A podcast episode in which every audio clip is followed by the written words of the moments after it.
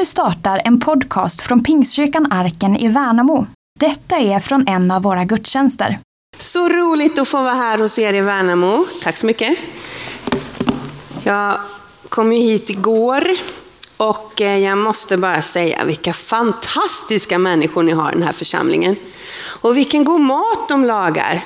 Och vad trevliga de är och vad hjälpsamma. Jag hoppas att ni tar vara på varandra. Det var otroligt uppmuntrande att få komma hit.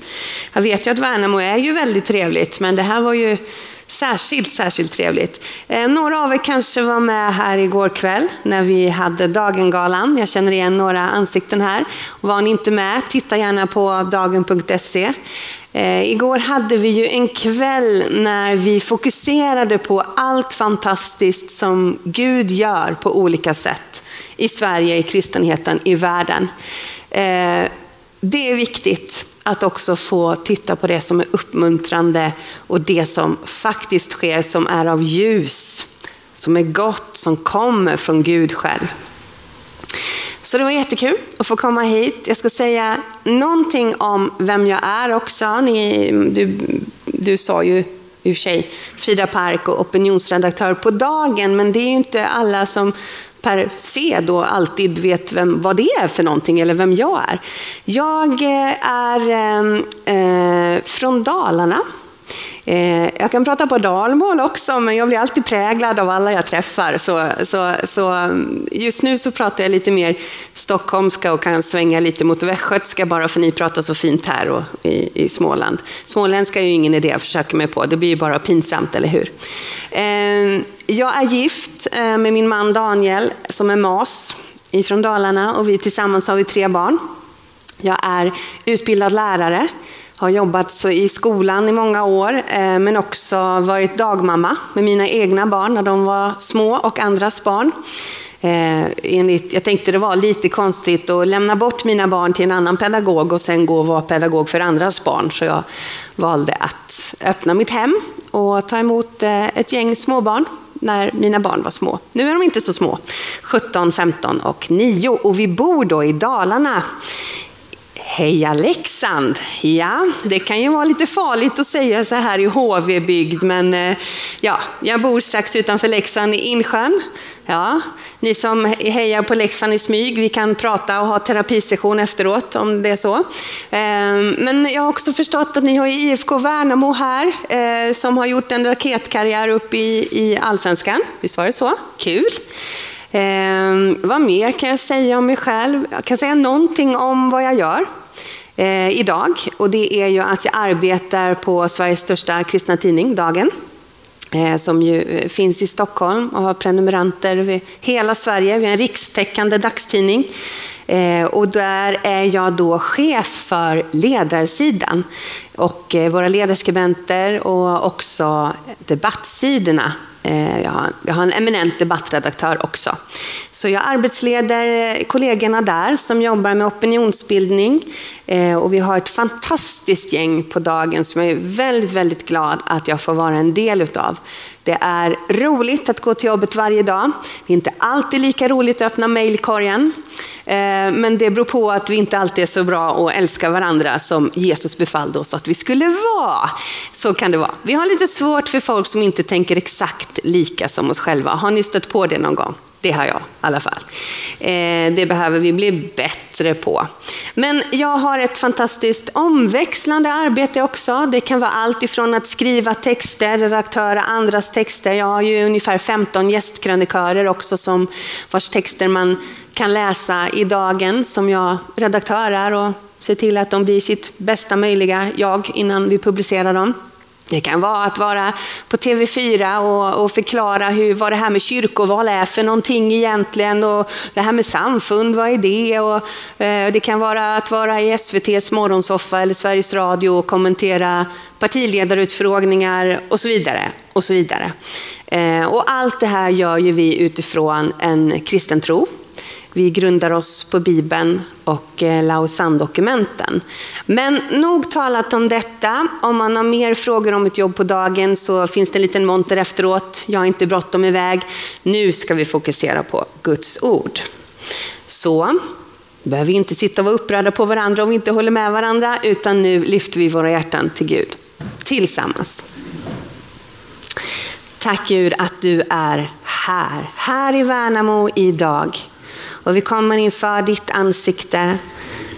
Vi vill lyfta våra hjärtan och vi vill höra vad du har att säga idag. Hjälp mig Gud att förmedla det som du har lagt på mitt hjärta till de här människorna som är i lokalen men också de som lyssnar på olika sätt. Tack Gud att du vill röra vid våra hjärtan, du vill lyfta oss, du vill hjälpa oss att lyfta vår blick, se på dig. Vi välkomnar dig Gud. Tack för var och en som är här. Tack att du har en underbar plan för deras liv. Tack att du vill röra vid dem, du vill uppmuntra dem. Du vill fullständig upprättelse, du vill helande. Gud, du vill bara gott. Tack att du är så fantastisk och tack att vi får tillhöra dig. Amen. Ja, oj. Ja, det kan bli spännande det här. Såg ni att det vickar lite? Jag ska inte öppna korken på vattnet bredvid min dator då. Det kan väl vara en bra idé. Ja, då ska vi se då. Ja, men apropå hockey så hade jag ju förmånen att vara på Hockeygalan i veckan. Den här tidernas hockeygala. Var det någon som såg den? Den sändes väl på tv? Ja, men för fint det är en och annan. Eh, jag, jag är välsignad med en bror som jobbar på Svenska ishockeyförbundet så jag fick en fribiljett och fick sitta på läktaren och titta på när vi eh, lyfte fram och firade de största idrottsprestationerna inom hockeyn de här senaste hundra åren.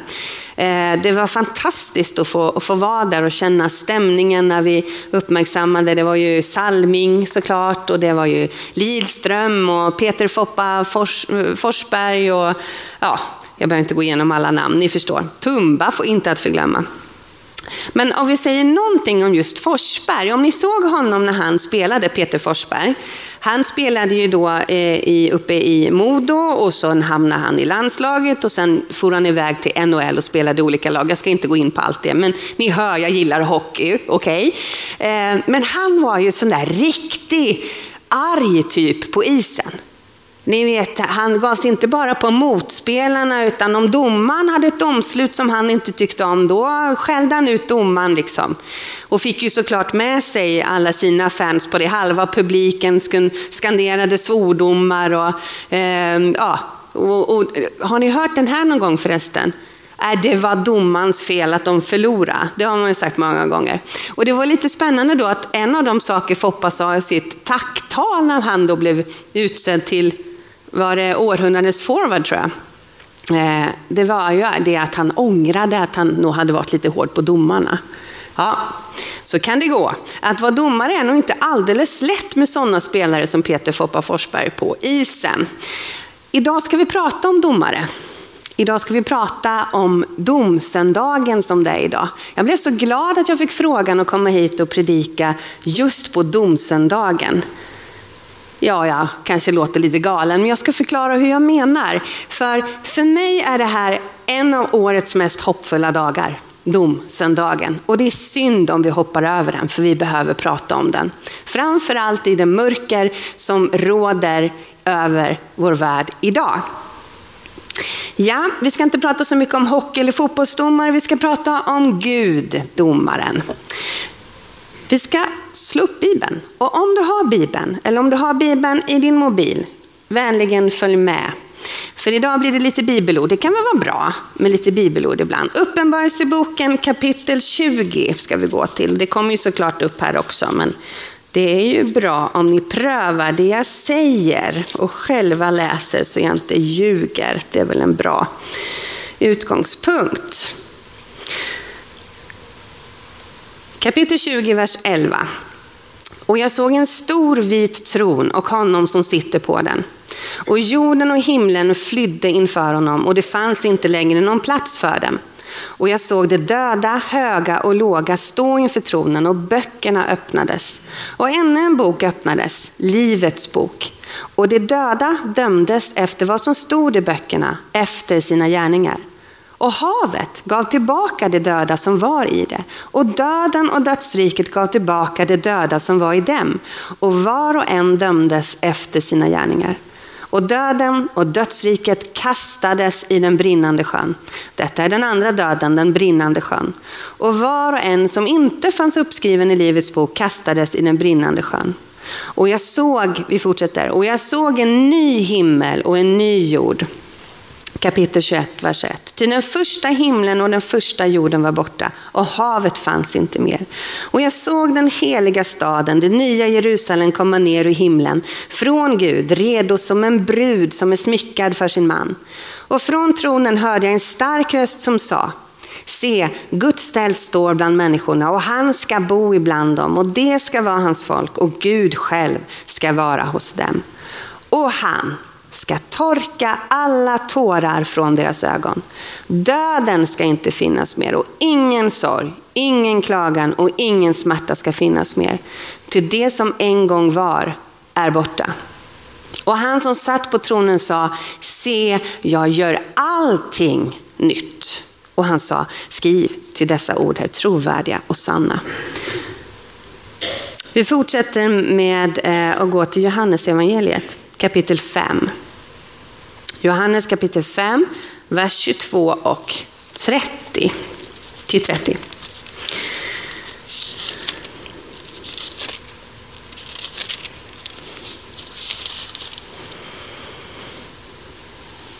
Ty liksom Fadern uppväcker de döda och ger dem liv, så ger också Sonen liv åt vem han vill. Och Fadern dömer ingen, utan har helt överlåtit domen åt Sonen, för att alla ska ära Sonen liksom de ärar Fadern. Den som inte ärar Sonen ärar inte heller Fadern som har sänt honom. Sannerligen, jag säger er, den som hör mitt ord och tror på honom som har sänt mig, han har evigt liv. Han faller inte under domen utan har övergått från döden till livet. Sannerligen, jag säger er, den stund kommer, ja den är redan här, då de döda ska höra Guds sons röst och det som hör den ska få liv. Till liksom Fadern äger liv så har han också låtit Sonen äga liv. Vi kan stanna där. Eh, nu är det ju så att Precis som vi igår fokuserade på allt fantastiskt som Gud gör i vårt land, så är det inte alltid så fantastiskt, varken i vårt land, i våra egna liv eller utöver världen.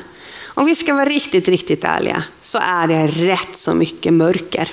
En hel del kris. En hel del anledningar att bli missmodiga, att undra vad i all världen är Gud någonstans? Det är fruktansvärda nyheter och vi hör och ser om detta överallt. Och det är ju så, vi kan inte bara tala om munterheter, vi kan inte bara sitta här och åh, nej men halleluja, allt är ju så bra ändå. Utan vi måste också våga prata om det som finns på skuggsidan. Vi kan inte riskera att bli ytliga, att inte bottna. Vi måste prata om det som rör sig i människors liv. Vi måste svara på de frågor som finns i världen idag.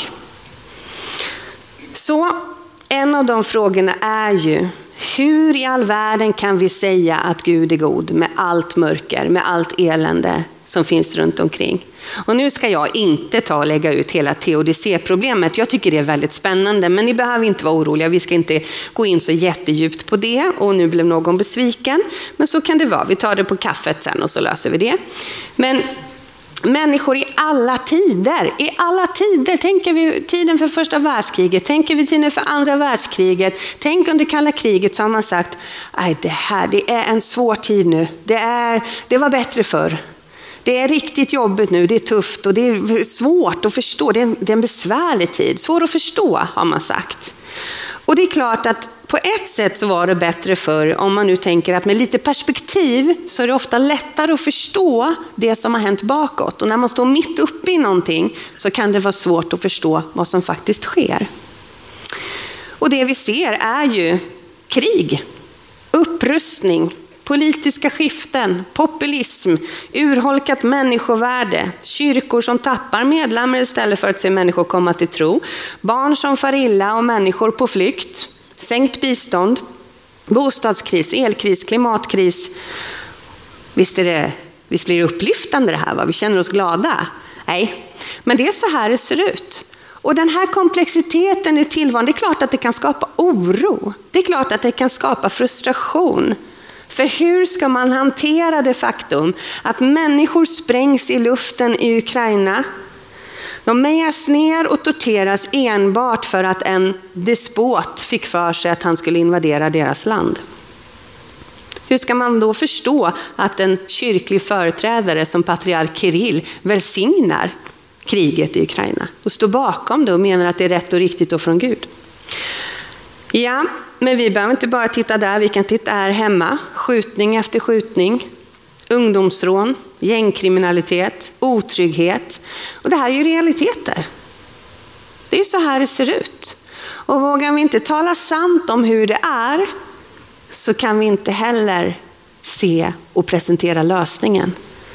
Men det som är hoppfullt och som jag ska komma in på, det är ju att vi som Kristi kropp här idag har svaret. Vi har fått det ljuset. Vi har fått möjligheten att ge upprättelse, helande till människor. I Värnamo, i Leksand, i Ukraina, över hela vår värld. Ja, så idag så skulle jag vilja säga någonting om mörkerseende.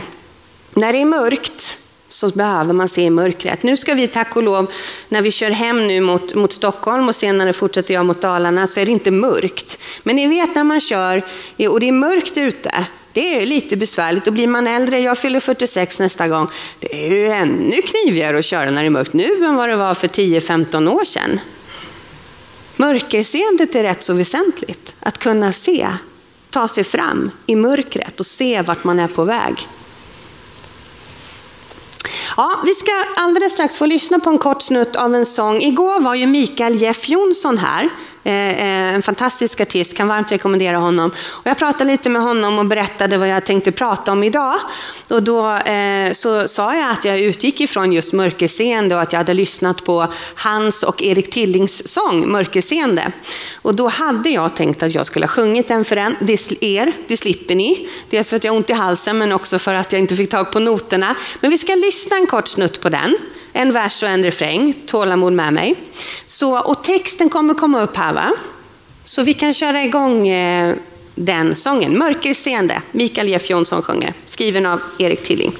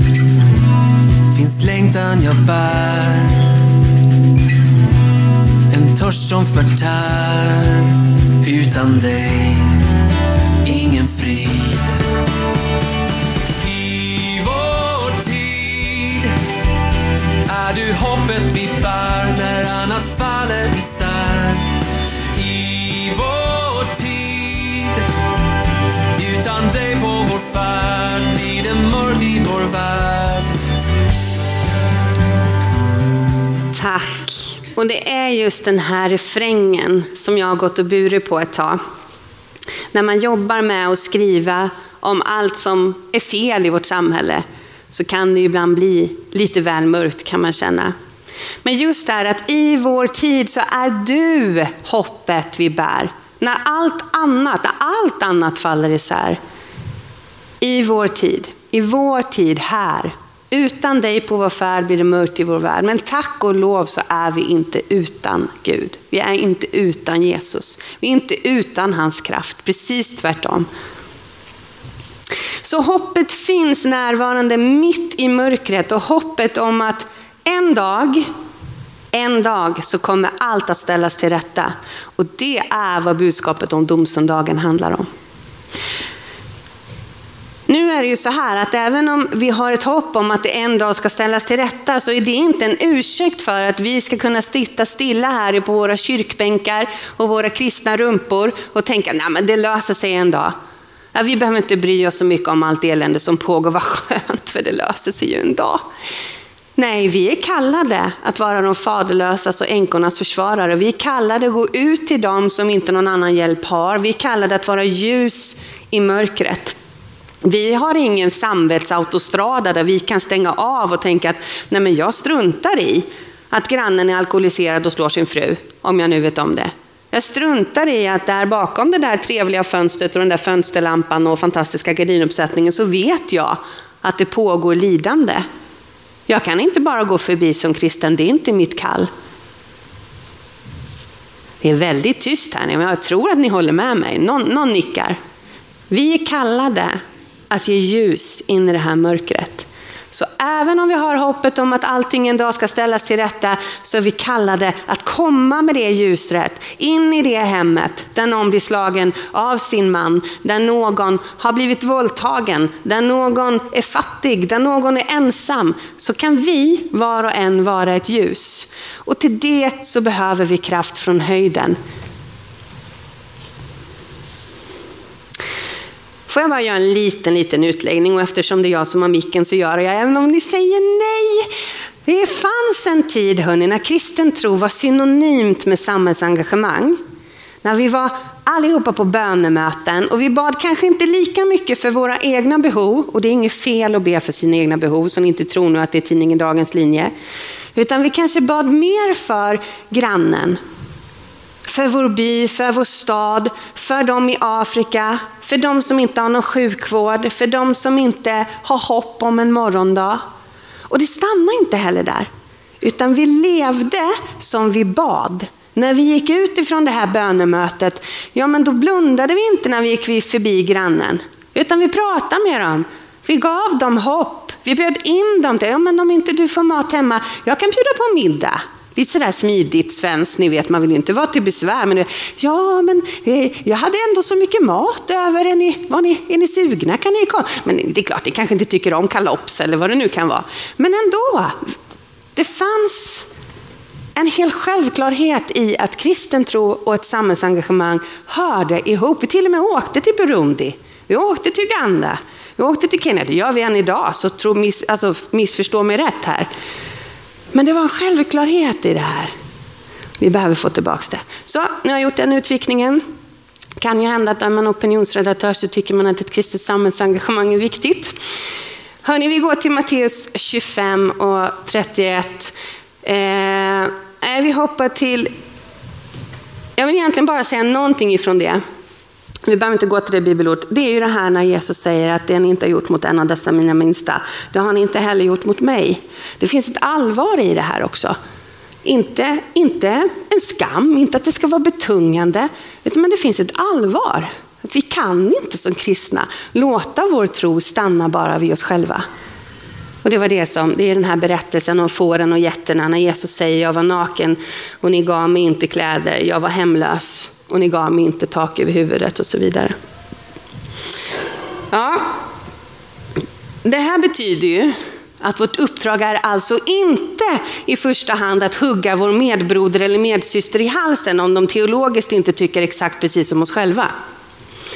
Det kan jag upprepa ungefär tio gånger till så att vi verkligen vet det. Tvärtom så är vårt uppdrag att älska varandra och vårt uppdrag är att gå ut med och leva evangelium. Så teologiska bearbetningar, teologiska diskussioner, det är jätteviktigt. I'm all for it. Men att vi ska vara Kristi händer och fötter, de där ramarna, kramarna, ge någon mat, ge någon ett leende, komma med uppmuntran, komma med liv in i en svår situation. Det ingår i att tillhöra Jesus.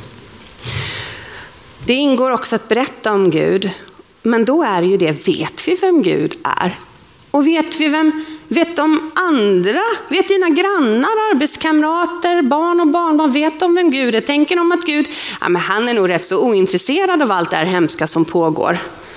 Han är en distanserad, maktlös Gud, eller han är den där fruktansvärda, hemska tyrannen. Eller vad man nu har för bild av Gud. Där har vi ett uppdrag att faktiskt berätta vem Gud är. Gud är domaren. Ja, han är helig. Han har all makt i himlen på jorden. Vi sjöng att han var allsmäktig här. Han är också nådefull och barmhärtig.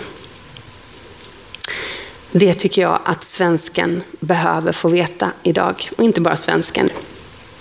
Vi ska gå till Nehemja. Nehemja bok, kapitel 9, vers 17. Ni som kan er bibel vet ju vad, vad som står där. Vad det är för bibelord man brukar gå till i Nehemja. Apropå att Gud är barmhärtig. Det vägrade att lyda, vers 17. Det vägrade att lyda och ville inte minnas det under som du hade gjort med dem. Det var styvnackade och tog saken i egna händer. Det här är skrivet precis till svenskarna. Styvnackade och vi kan själv. Bra kar reder sig själv, bra svensk reder sig själv. Och de ville återvända till slaveriet i Egypten. Men du är en förlåtande Gud, nådig och barmhärtig, sen till vrede, rik på kärlek och du övergav dem inte. Även när det såg ut som att Gud var långt borta i öknen så övergav han dem aldrig. Även om det ser ut som att Gud är långt borta här i Sverige eller på jorden idag så har han inte övergett oss. Okej, okay men det här med att domedagen är någonting att se fram emot. Vad handlar det om då? Då kommer ondskan få stå till svars. Det är den dagen då alla de som sörjer, alla som lider, alla som har varit utsatta för terror, för förföljelse, för mobbing, för orättvisor, för sjukdom och död. Det är den dagen allting kommer ställas till rätta. Det är någonting att se fram emot. Och lov då, apropå hockeyn, så är det inte du eller jag, eller hockeydomare som är domare. Det är väl jätteskönt att det inte är Frida Park på tidningen Dagen som ska döma. Inte du heller för den delen. Det är Gud som dömer. Vi är ju tillsagda att inte döma, det glömmer vi ibland. Nej, det är Gud som dömer. Döm inte, säger Gud, för att inte ni med samma dom ska bli dömda. Och det gäller ju även den som i dina ögon inte är politiskt eller teologiskt renlärig. Mhm, Aj då. Ja, vi kallade att predika sanningen, vi kallade att vara salt mitt i förruttnelsen, men inte att döma, aldrig att döma. Och nu ska vi gå till Hebreerbrevet kapitel 10. Det är några bibelord här idag. Jag gillar Bibeln, hoppas ni gör det. Det är ju en kristen kyrka det här, har jag förstått. Hebreerbrevet kapitel 10, vers 30. Vi känner honom som har sagt, min är hämnden, jag ska utkräva den. Och vidare, Herren ska döma sitt folk. Det är fruktansvärt att falla i den levande Gudens händer. Kom ihåg hur det var förr, när ni nyss hade blivit upplysta. Ni utstod många svåra lidanden. Ni blev smädade och förföljda, gjordes till allmänt åtlöje, eller också ställde ni er vid deras sida som behandlades så. Det här låter ju rätt så mörkt, som ett lidande. Eller hur?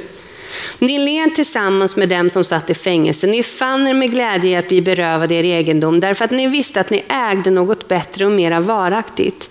Ge inte upp er frimodighet, den ska rikligen belönas.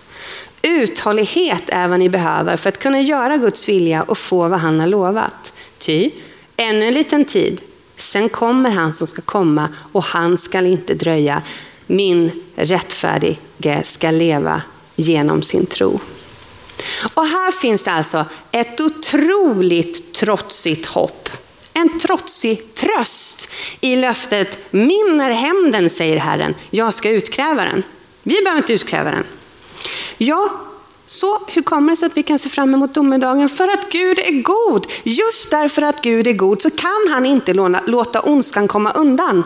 Han kan inte låta ondskan komma undan. Han kan inte låta lidande komma undan. Inte sorg, inte död. Han är god, allt igenom god.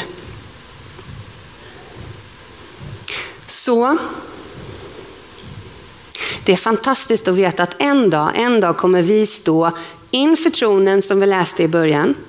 Inför honom som är rättvis och barmhärtig domare. Han är inte en partisk korrumperad maffiadomare som är lättköpt bara man har tillräckligt med stålar. Han är inte heller en högst ofullkomlig hockeydomare som dömer bort mål bara för att någon passerade fel ordning över en blå linje. Han är rättvis. Men han är också kärleken själv. Men det är också så att han är en fruktansvärd Gud. Och här i Sverige så tänker vi att det är synonymt med hemsk. Vilken hemsk Gud. Men fruktansvärd betyder ju att det är någon som är värd att frukta, att respektera, att bäva inför. Och varför det? Jo, därför att en dag kommer han döma det som är ont. Det är de onda som ska frukta inför Gud. Vi har inget att frukta. Hela Bibeln är full av, någon kan säkert tala om hur många, för det här har ni hört hundra predikningar om. Hur många gånger i Bibeln säger Gud inte, var inte rädd, var inte rädd. Han säger inte, var rädd för mig. Ni bör alla vara rädda för mig, ni som är frälsta av något. Nej, han säger, var inte rädd. Var inte rädd. Ni vet att det står i Johannes 3 och 16 och så vidare att Gud sände inte sin son till världen för att döma världen, utan för att världen skulle räddas genom honom. För den som tror på honom blir inte dömd. Men den som inte tror är redan dömd eftersom han inte trott på Guds enda sons namn. Så den dagen du och jag sa ja till Jesus, när vi sa, vi tror på dig, vi tror att du dog, vi tror att du uppstod, vi tror att du är vår frälsare. Från den dagen blev vi frikända. Frikända, frihalsade, rättfärdiga, färdiga i rätten. Det var den första domen. Så, vi är dömda till frihet, till förlåtelse, till försoning, till evigt liv. Det är fantastiskt. Det här är alltså någonting som vi inte behöver vara rädda för alls. Men ondskan gör rätt i att bäva. Så, men då är det ju den här frågan. Jag skrev en text en gång om, om eh, eh ondska och mörker och då var det en, eh, en vad, vad är han för något? Eh, ja, eh, vi, vi struntar i vem det var. Det var i alla fall en offentlig person som tog upp den här texten och delade och var så upprörd. För hur kan kristna säga att bara man har sagt förlåt Jesus så spelar det ingen roll om man har varit Hitler eller Putin eller eh, torterare eller terrorist. Man får komma till himlen och vara där tillsammans med dem som man har mördat och terroriserat. Får inte ihop bilden. Det här ska vi komma in på nu. När Guds dom faller så kommer det stå fullständigt klart för oss, för var och en, för den här personen också, att Guds dom är rätt, rättvis och rättfärdig. Det är inte bara det att ondskan kommer vara dömd, alla frågor kommer få sitt svar i honom, allt lidande kommer ta slut, alla tårar ska torkas, allt elände, allt det vi inte fattar alla frågor som vi har, all frustration vi kan ha. Men Gud! Och det är så skönt tycker jag att hela saltaren är full med sån där frustration. Men Gud, hur kan du? Varför är du så tyst? Och så vidare. Men Gud är god och hans nåd varar i all evighet. Men Gud, varför? Och vad håller du på med? Var är den? Men Gud är god och hans nåd varar i all evighet. Alltså det är helt okej okay att vara frustrerad på Gud över det elände man kan stå i. Det är väl lite skönt tycker jag. Han är inte nervös för det.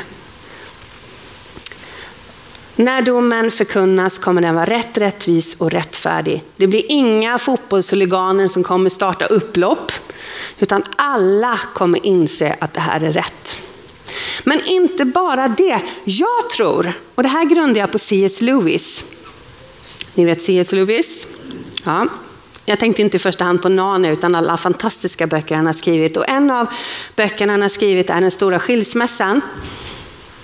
Jag har ett citat här. Jag tror nämligen att minnet av ondskan och lidandet kommer utplånas och inte bara minnet. C.S. Lewis skriver i sin bok, ser ni citatet nu? Bakom mig? Tack. Det säger något om timligt lidande. Ingen framtida lycka kan gottgöra det.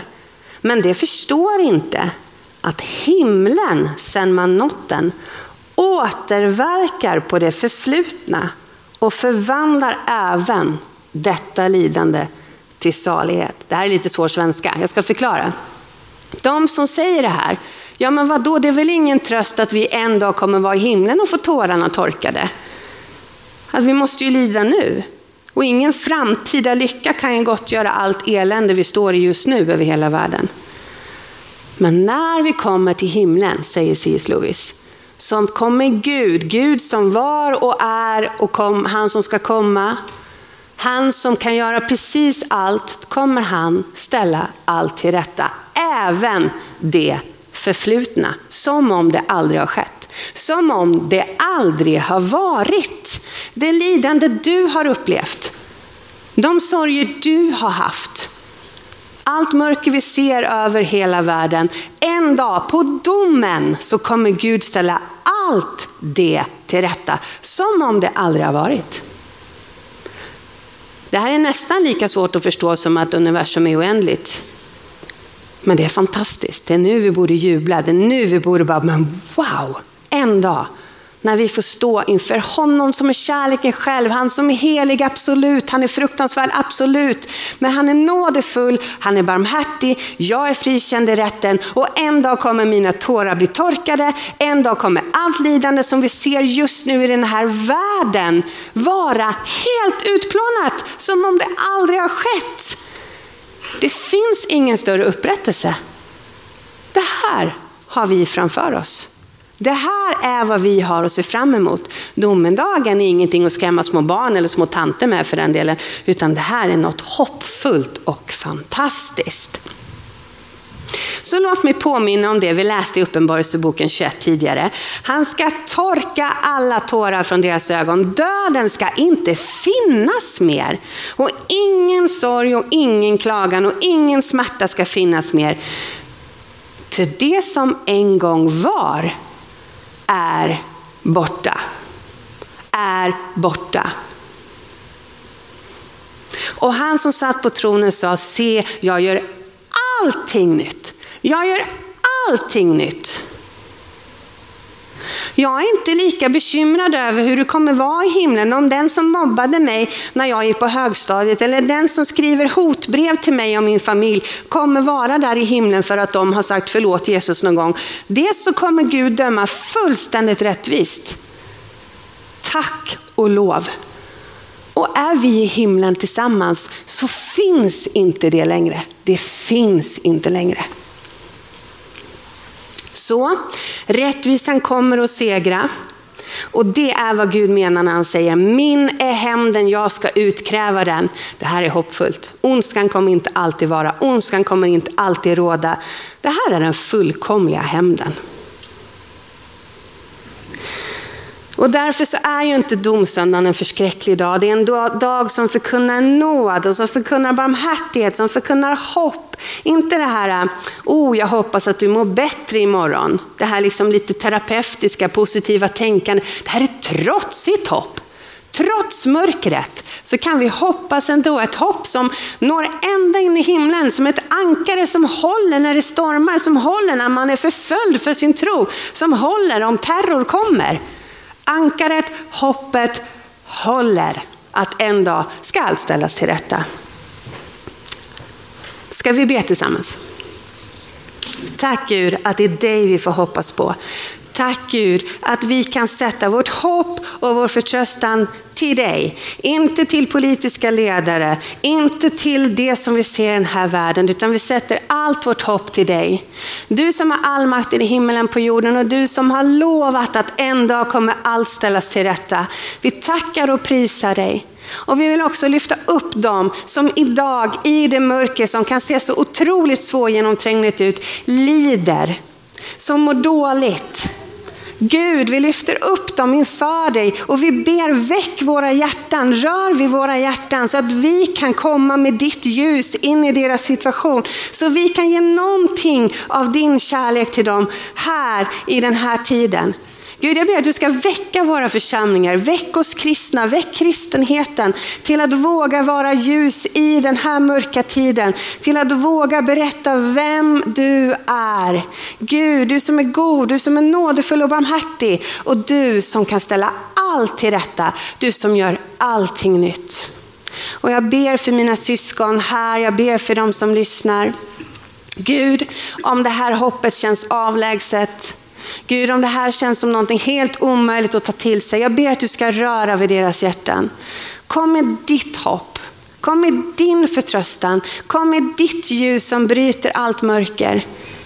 som krossar alla ok, Gud. Rör vi människor idag? Rör vi Sverige idag? Vi ber för våra politiker. Vi ber för de här galna, som vi tycker ibland, ledarna i vår värld. Herre, vi ber att rätt och rättfärdighet ska få råda. Vi ber att du ska gripa in. Herre, kom och rör vid vårt land. Kom och rör vid oss igen. Amen. Du har lyssnat till en predikan från Pingstkyrkan Arken i Värnamo. För att komma i kontakt med oss och se vad som händer i vår kyrka kan du gå in på arkenvmo.se